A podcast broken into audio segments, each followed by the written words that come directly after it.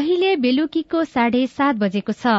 सामुदायिक सूचना नेटवर्क सीआईएनबाट अब प्रसारण हुँदैछ साझा खबर।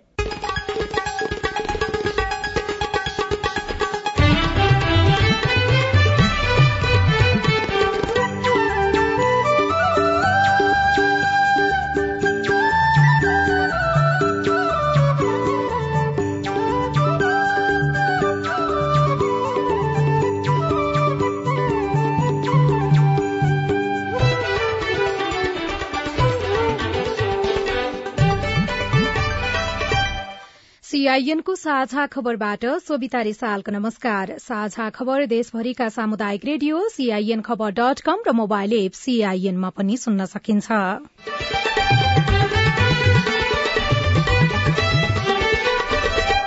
पार्टीभित्रका सदस्यको लागि नयाँ मर्यादा क्रम निर्धारण गर्ने कांग्रेसको प्रस्ताव वरियतामा प्रदेश सभापतिहरूको चित्त दुखाई आफ्नो नेतृत्वमा सरकार बनेपछि भ्रष्टाचार घटेको दावी जसपाभित्रको विवाद सतहमा। अहिलेसम्म त्यसको एउटा पनि बैठक भएन।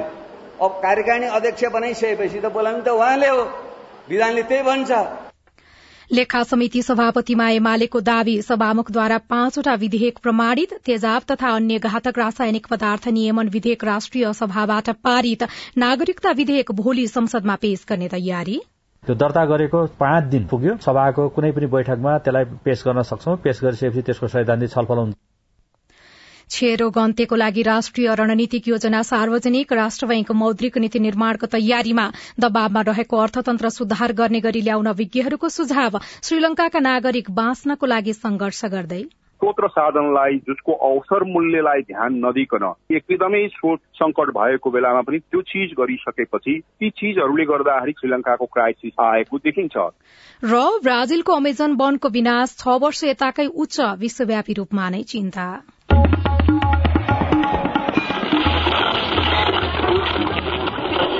सयौं रेडियो। हजारौं रेडियो कर्मी र करोड़ौं नेपालीको माझमा यो हो सामुदायिक सूचना नेटवर्क सीआईएन अघिल्लो पटकको संसदीय निर्वाचनमा एक भएका तथा गठबन्धन गरेका दलहरू पाँच वर्षपछि हुन लागेको यसपटकको संसदीय निर्वाचनसम्म आइपुग्दा पुनः विभाजित भइसकेका छन्। नेकपा नेकपा एमाले माओवादी केन्द्रदेखि जसपासम्म टुक्रिए टुक्रिएर बनेका दलहरूभित्र समेत सत्ता स्वार्थको राजनीति चलिरहेको छ जसका कारण फेरि पनि दलहरू फुट्ने उपक्रम रोकिएको छैन। लोकतान्त्रिक पद्धतिमा रहेको मुलुकका लागि दलहरू फुटिरहनु र फेरिरहने समीकरणले सरकार बदलिरहनु राम्रो होइन। पार्टीभित्र आन्तरिक संघर्ष वर्ष रहे पनि सीमित स्वार्थमा पार्टी नै फुटाउने काम राजनीतिक दलहरूले बन्द गर्नुपर्छ। अब खबर सुशीला श्रेष्ठबाट। नेपाली कांग्रेसले पार्टीभित्रका सदस्यको लागि नयाँ मर्यादाक्रम निर्धारण गर्ने प्रस्ताव केन्द्रीय कार्य समिति बैठकमा गरेको छ। आज पार्टी केन्द्रीय कार्यालय सानेपामा बसेको बैठकमा सहमहामन्त्री बद्री प्रसाद पाण्डेले मर्यादाक्रम निर्धारण सम्बन्धी मस्यौदा छलफलका लागि प्रस्तुत गर्नुभएको पार्टी कार्यालयका प्रमुख सचिव कृष्ण प्रसाद पौडेलले बताउनुभयो। प्रस्तावित वरियता क्रमको मस्यौदामा केन्द्रीय सभापति पूर्व केन्द्रीय सभापति प्रधानमन्त्री पूर्व प्रधानमन्त्री र संसदीय दलका नेता क्रमशः रहने व्यवस्था गरिएको गरिएको छ। वरियता क्रमबारे विवाद उत्पन्न हुन थालेपछि सभापति शेरबहादुर देवालले सहमहामन्त्रीहरू जीवन परियार डीना उपाध्याय र बद्री पाण्डेलाई मर्यादा क्रमको मस्यौदा तयार गर्ने जिम्मेवारी दिनुभएको थियो।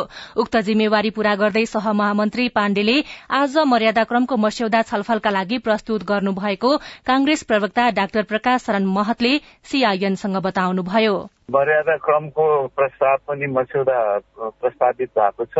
अब यसको निर्णय सबै एकैपटक निर्णय हुन्छ यो छलफल बोल्ने क्रम सकिएपछि। यद्यपि मर्यादा क्रमको बारेमा त्यसमा चाहिँ कसैले बोलेका छैनन्। तर अब त्यो चाहिँ सबैलाई बाँडेको छ। अब त्यो लामै त्यो मर्यादा क्रमको साधारण सदस्यदेखि सभापतिसम्मको विभिन्न पदमा भएको हुनाले अलि हेरेरै आएर सायद भोलि बोल्न सकिरहेको केही सुझाव सल्लाह भए धेरै प्रस्ताव चाहिँ प्रस्तुत भएको छ। तर वरियताप्रति प्रदेश सभापतिहरूले भने आपत्ति जनाएका छन्। साथै प्रदेशका सभापतिहरूले प्रस्तावित वरियतामा आपत्ति जनाएका हुन्। प्रस्तावित मस्यौदामा प्रदेश सभापतिहरूको मर्यादाक्रम एघार नम्बरमा राखिएको छ। उनीहरूले केन्द्रीय सभापतिपछि आफूहरूको वरियता हुनुपर्ने माग गरेका छन्। कांग्रेसको केन्द्रीय कार्य समितिको बैठक भोलि दिउँसो एक बजे पुनः बस्नेछ। यसैबीच नेपाली कांग्रेसले एक वर्षको अवधिमा भ्रष्टाचार घटेको दावी गरेको छ। पार्टी सभापति शेरबहादुर देउवा नेतृत्वको सरकार गठन भएपछि भ्रष्टाचार नियन्त्रण भएको कांग्रेस प्रवक्ता डाक्टर प्रकाश शरण महतले बताउनुभयो।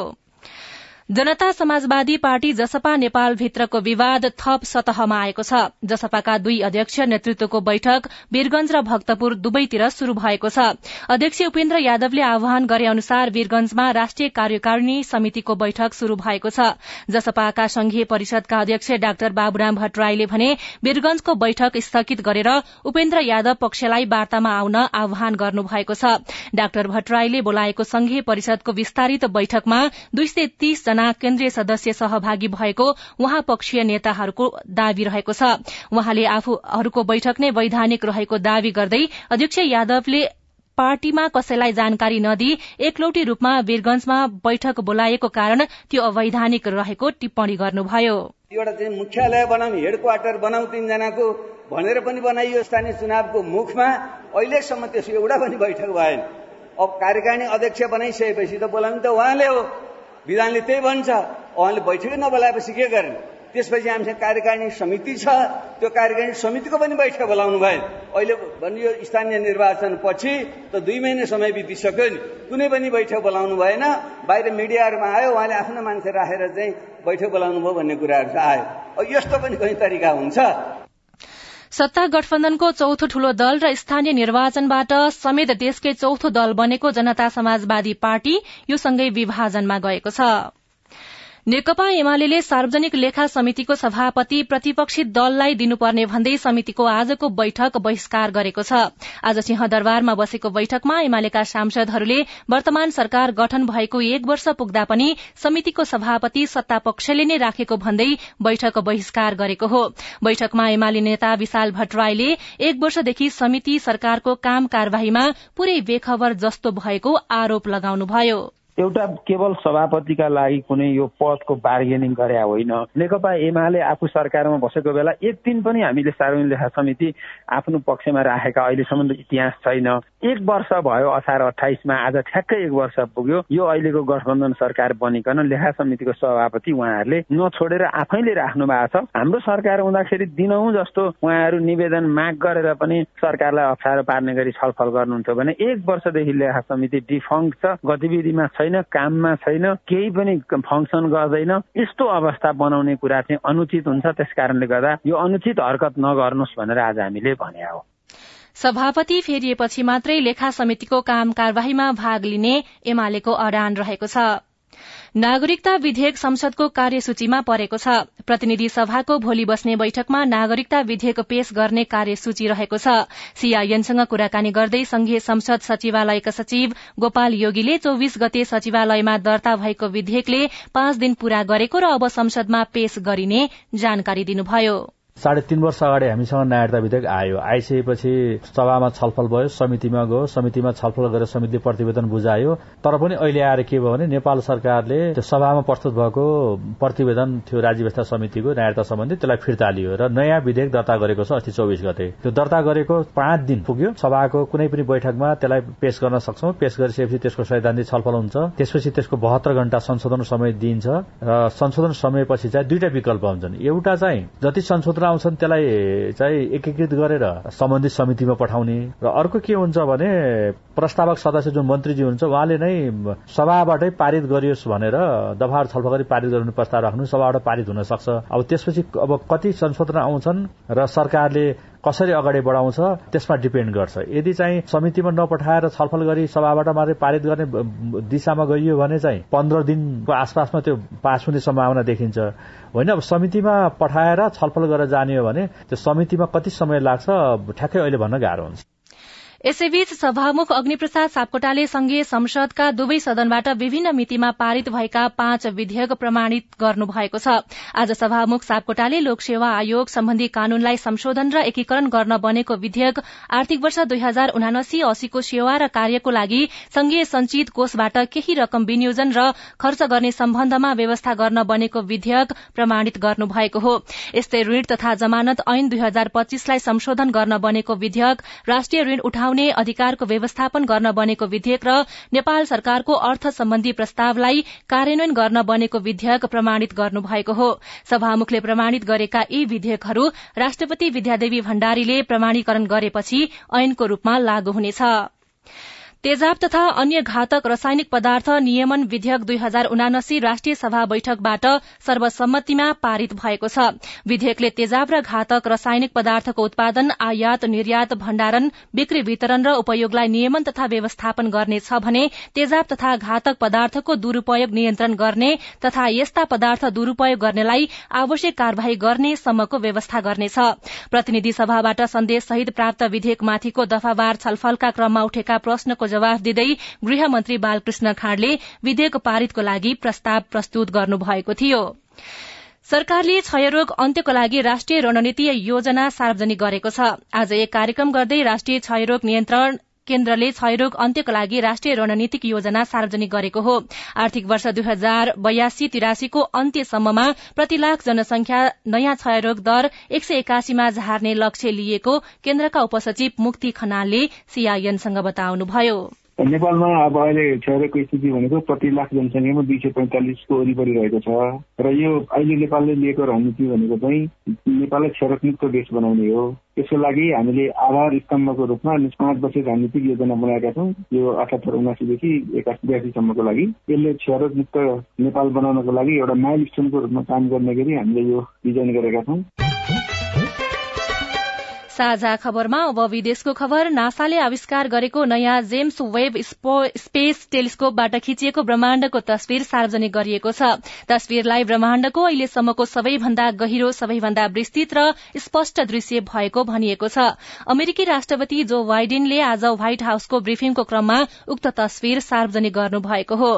र ब्राजिलको अमेजन वनको विनाश छ वर्षकै उच्च भएको राष्ट्रिय अन्तरिक्ष एजेन्सी स्पेनले जनाएको छ। जनवरी र जून बीचमा यस क्षेत्रमा करिब तीन हजार नौ सय अठासी वर्ग किलोमिटर वन क्षेत्र खाली गरिएको थियो। गत वर्ष सोही अवधिमा तीन हजार अठासी वर्ग किलोमिटर वन क्षेत्र नष्ट गरिएको थियो। अमेजनले ग्रहको अक्सिजन र कार्बन डाई अक्साइड चक्रमा महत्वपूर्ण भूमिका खेल्दछ। वायुमण्डलबाट ठूलो मात्रामा हरित गृह ग्यासहरू अवशोषित गर्दछ। तर पछिल्लो समय अमेजन वनको विनाश दर बढ़दै जाँदा विश्वव्यापी रूपमै चिन्ता व्यक्त गरिएको छ। सुशीला श्रेष्ठ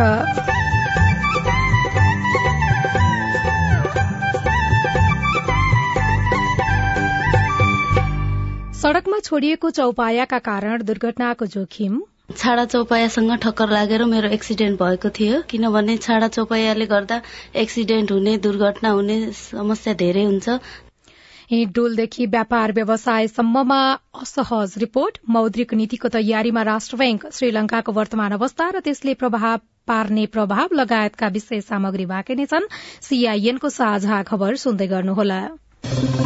जलवायु परिवर्तन बारे नागरिकको बुझाइ। यो जुन क्लाइमेट चेन्जको इस्यु छ हामी यो थेरलाई समेत एक्चुअलमा थाहा छैन। सरोकारवालाहरूको चिन्ता। कार्यान्वयन गर्ने एउटा राम्रो मेकानिजम बनाएन भने यो कुरा मात्रै हुन्छ भन्ने मेरो ठहर हो। अनि संसद र संसदीय समितिहरूको प्रतिबद्धता। सरकारवालाहरूको सल्लाह सुझावहरू लिएर पनि हामीले यसलाई फेरि नयाँ नीति विधि बनाएर पनि हामी जान सक्छौ। यही असार तीस गते साँझको साझा खबर र भोलिपल्ट बिहान साढे छ बजेको कार्यक्रम हेलो सांसदमा विचार विवेचना समस्या र समाधान सहितको बहस। कार्यक्रम हेलो सांसद।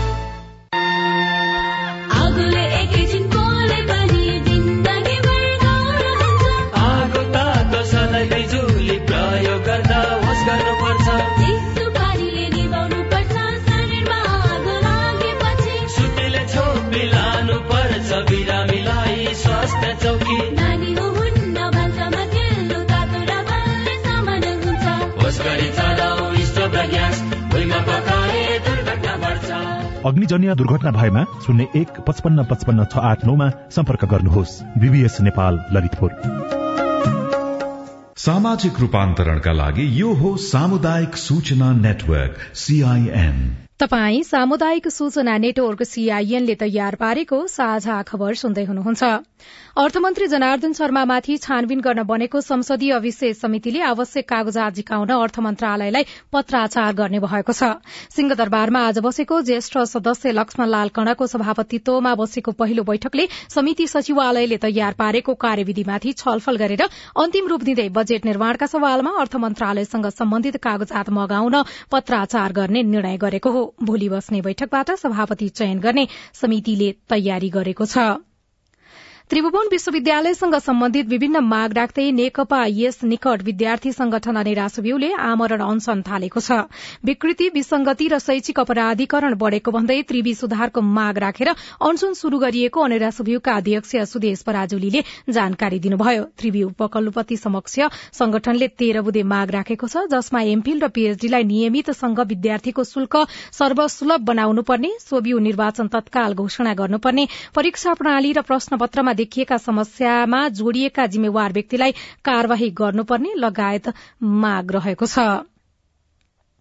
आदिकवि भानुभक्त आचार्यको जन्म जयन्तीको अवसरमा गण्डकी प्रदेश सरकारले सार्वजनिक विदा दिने निर्णय गरेको छ। प्रदेश सरकारले भानु जयन्ती सहितको अवसरमा भोलि सार्वजनिक विदा दिने निर्णय गरेको हो। आदिकवि भानुभक्तको जन्म तनहुको भानु नगरपालिका चार चुदी रमघामा विक्रम सम्बत अठार सय एकहत्तर असार उन्तिस गते भएको थियो। भोलिदेखि अनलाइनबाट मतदाता नामावली दर्ता गर्न सकिने भएको छ। निर्वाचन आयोगको आज बसेको बैठकले भोलिदेखि अनलाइन प्रणालीबाट मतदाता नामावली दर्ता गर्न सकिने निर्णय गरेको हो। फोटो सहितको मतदाता नामावलीमा हालसम्म नाम दर्ता नगरेका नेपाली नागरिकले WWW dot election dot GOV dot एनपीमा गएर मतदाता नामावली दर्ता गर्न सक्ने आयोगले जनाएको छ। सड़क दुर्घटना हुने प्रमुख कारणहरू मध्येको एक हो छाडा पशु चौपाया। यही समस्याले गर्दा कञ्चनपुरमा सड़क दुर्घटनाको पनि जोखिम बढ़दै गएको छ। छाडा पशु चौपाया सड़कमा हुँदा हिडुलमा समेत जोखिम भइरहेको छ भने व्यापार व्यवसायमा पनि प्रभाव परिरहेको छ। कञ्चनपुरकी सञ्जु पाल्पाली सड़कमा छाडिएका पशु चौपायाका कारण एक महिना अघि दुर्घटनामा पर्नुभयो। सामान्य चोट लागेका कारण उहाँ लामो समय अस्पतालमा बस्नु परेन। म अफिसबाट घर जाँदै थिएँ अनि बाटोमा चाहिँ स्कुटी दुर्घटना भएको थियो। छाडा चौपायासँग ठक्कर लागेर मेरो एक्सिडेन्ट भएको थियो। किनभने छाडा चौपायाले गर्दा एक्सिडेन्ट हुने दुर्घटना हुने समस्या धेरै हुन्छ। कञ्चनपुरकै अर्का एकजना स्थानीय छाडा पशु चौपायाकै कारण बाटोमा सहजै हिडुल गर्न सक्नुहुन्न। सड़कमा छाडिएका पशु चौपायाले कति बेला हल्ला भन्ने डर उहाँमा रहेको छ। यसरी छाडा चौपायाको समस्या दिन प्रतिदिन बढ़िरहेकाले छाडा चौपायाको व्यवस्थापनका लागि सम्बन्धित सरकारवालाले पहल गर्नुपर्ने उहाँले बताउनुभयो। छाडा चौपायालाई गाई गोरुलाई चाहिँ एक ठाउँमा राख्ने रोक्ने सबैले समन्वय गरेर सहकार्य गरेर एउटा राम्रो दीर्घकालीन योजना ल्याए भने समाधान हुन सक्छ जस्तो लाग्छ। आफूले फाइदा लिन्जेलसम्म पाल्ने र त्यसपछि सड़कमा छाडिदिने प्रवृत्तिले पछिल्लो पाँच वर्षदेखि कञ्चनपुरमा छाडा पशु चौपायाको समस्या बढ़दै गएको छ। जसले गर्दा कञ्चनपुरमा दुर्घटनाको जोखिम बढ़िरहेको छ। जिल्ला ट्राफिक प्रहरी कार्यालय कञ्चनपुरका प्रमुख ट्राफिक प्रहरी निरीक्षक उमेश चन्द।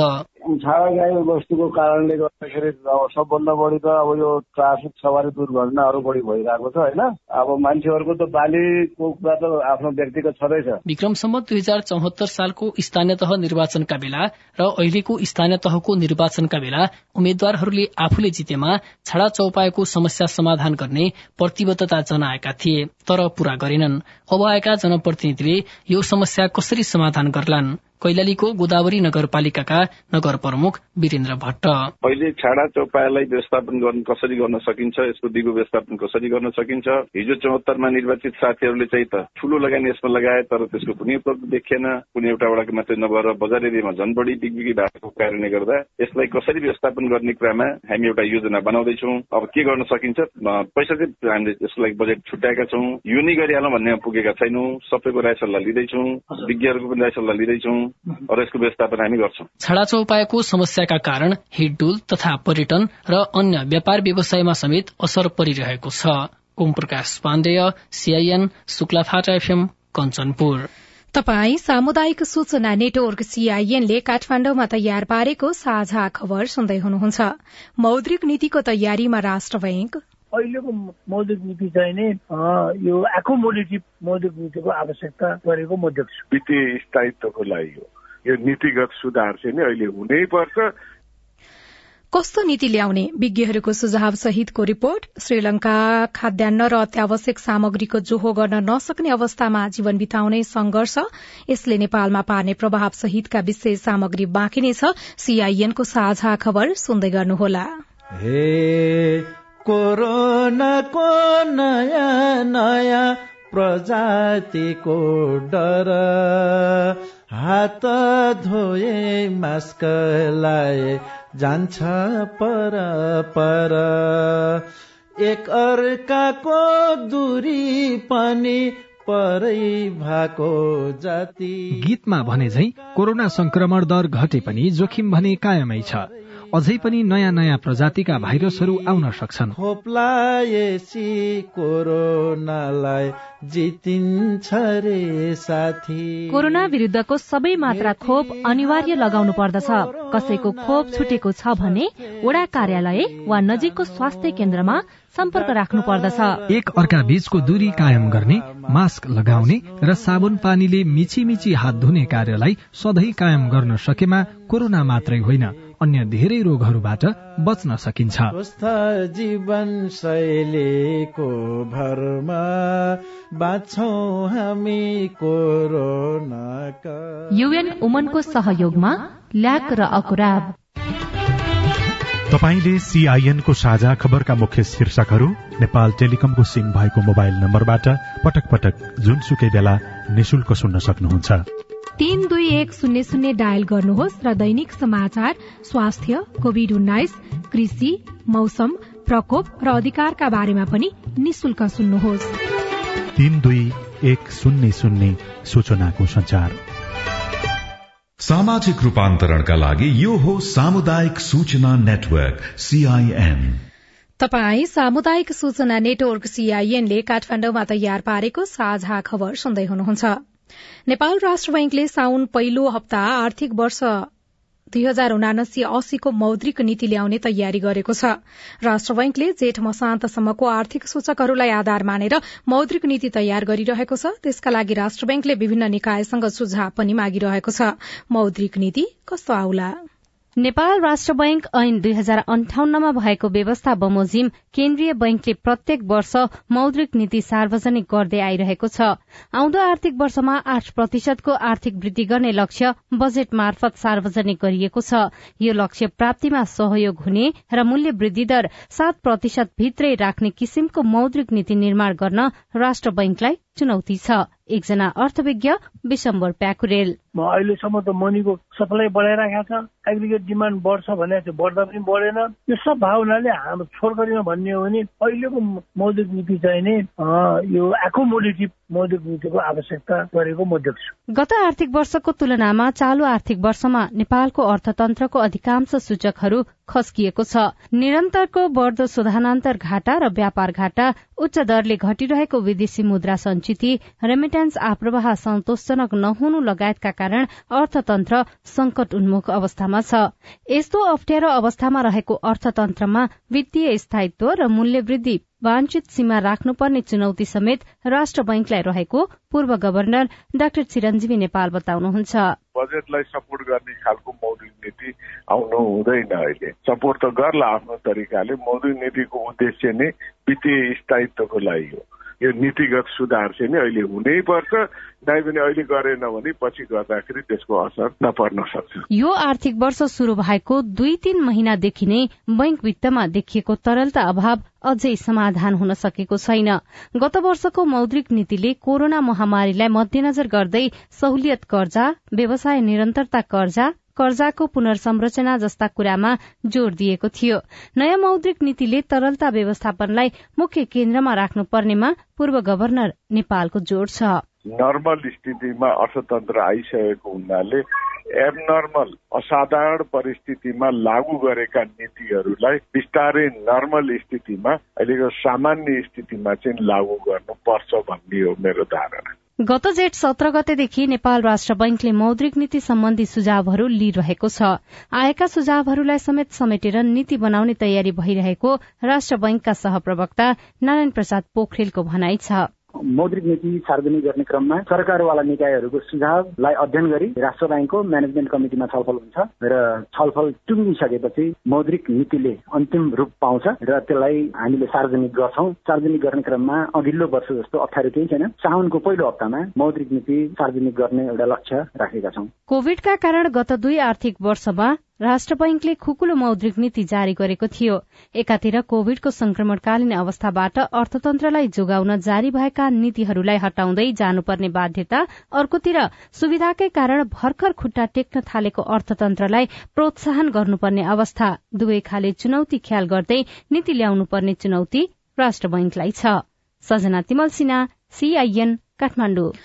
मुलुकको बढ़दो आयात र घट्दो विदेशी मुद्रा संचितीको अवस्थालाई लिएर चिन्ता बढ़दै गएको छ जसका कारण नेपालको अवस्था पनि श्रीलंकाको जस्तै हुने हो कि भनेर पछिल्लो समय हल्ला पनि चलाउन थालिएको छ। नेपालको अवस्था श्रीलंकाको जस्तो हुने बहस र त्यसको प्रभाव के हो? श्रीलंकाको गलत नीति र अनियमितताका कारण सत्ता नेतृत्वले सत्ता छोडेर भाग्नु मात्रै परेन देश नै ठूलो संकटमा पर्यो। जहाँका दुई करोड़ पन्ध्र लाख भन्दा बढ़ी नागरिक यति बेला खाद्यान्न इन्धन ग्यास र अत्यावश्यक अन्य वस्तुको अभावबाट गुज्रिरहेका छन्। श्रीलंकाका नागरिक आजभन्दा वर्ष दिन अघिसम्म खुशियालीमा जीवन बिताइरहेका थिए। तर सन् दुई हजार बाइसको मे महिनादेखि यहाँका नागरिकले जीवन बिताउन निरन्तर संघर्ष गरिरहेका छन्। श्रीलंकामा यस्तो अवस्था आउँछ भनेर हामीले कल्पना नै गरेका थिएनौं। मानिसहरू निकै संघर्षरत छन्। यहाँ ग्यास छैन खाद्यान्न छैन चिकित्सकीय सेवा छैन।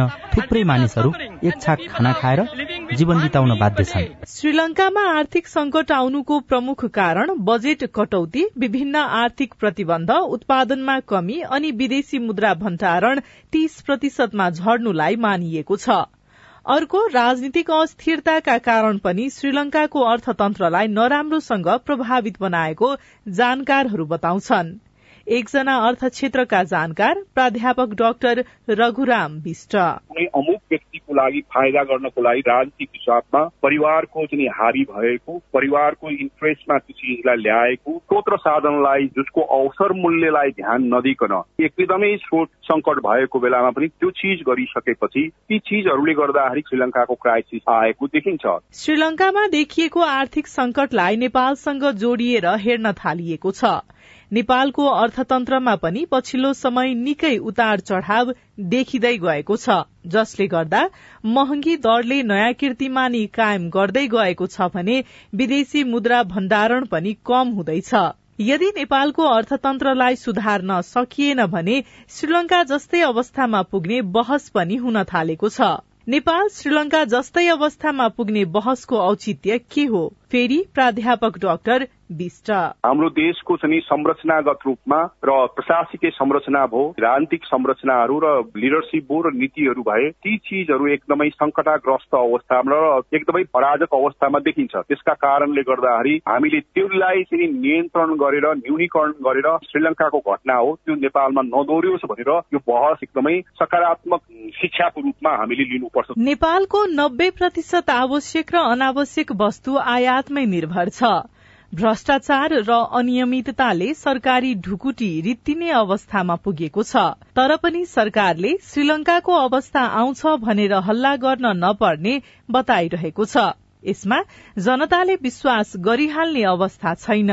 त्यसैले मुलुकलाई श्रीलंकाको जस्तो अवस्थामा जान नदिने आधारहरूको बारेमा जनतालाई जानकारी गराउन सक्नुपर्छ। स्नेहा कर्ण सीआईएन काठमाडौँ। पार्टीभित्रका सदस्यको लागि नयाँ मर्यादा क्रम निर्धारण गर्ने कांग्रेसले प्रस्ताव गरेको छ। निर्धारण गर्न प्रस्ताव गरिएको वरियता क्रममा प्रदेश सभापतिहरूले चित्त दुखाएका छन्। आफ्नो नेतृत्वमा सरकार बनेपछि भ्रष्टाचार घटेको दावी पनि कांग्रेसले गरेको छ जसपाभित्रको विवाद थप सतहमा आएको छ। लेखा समिति सभापतिमा नेकपा एमाले दावी गरेको छ सभामुखद्वारा पाँचवटा विधेयक प्रमाणित भएको छ। तेजाब तथा अन्य घातक रासायनिक पदार्थ नियमन विधेयक राष्ट्रिय सभाबाट पारित भएको छ। नागरिकता विधेयक भोलि संसदमा पेश गर्ने तयारी भइरहेको छ। क्षयरोग अन्त्यको लागि राष्ट्रिय रणनीतिक योजना सार्वजनिक भएको छ। राष्ट्र बैंक मौद्रिक नीति निर्माणको तयारीमा रहेको छ।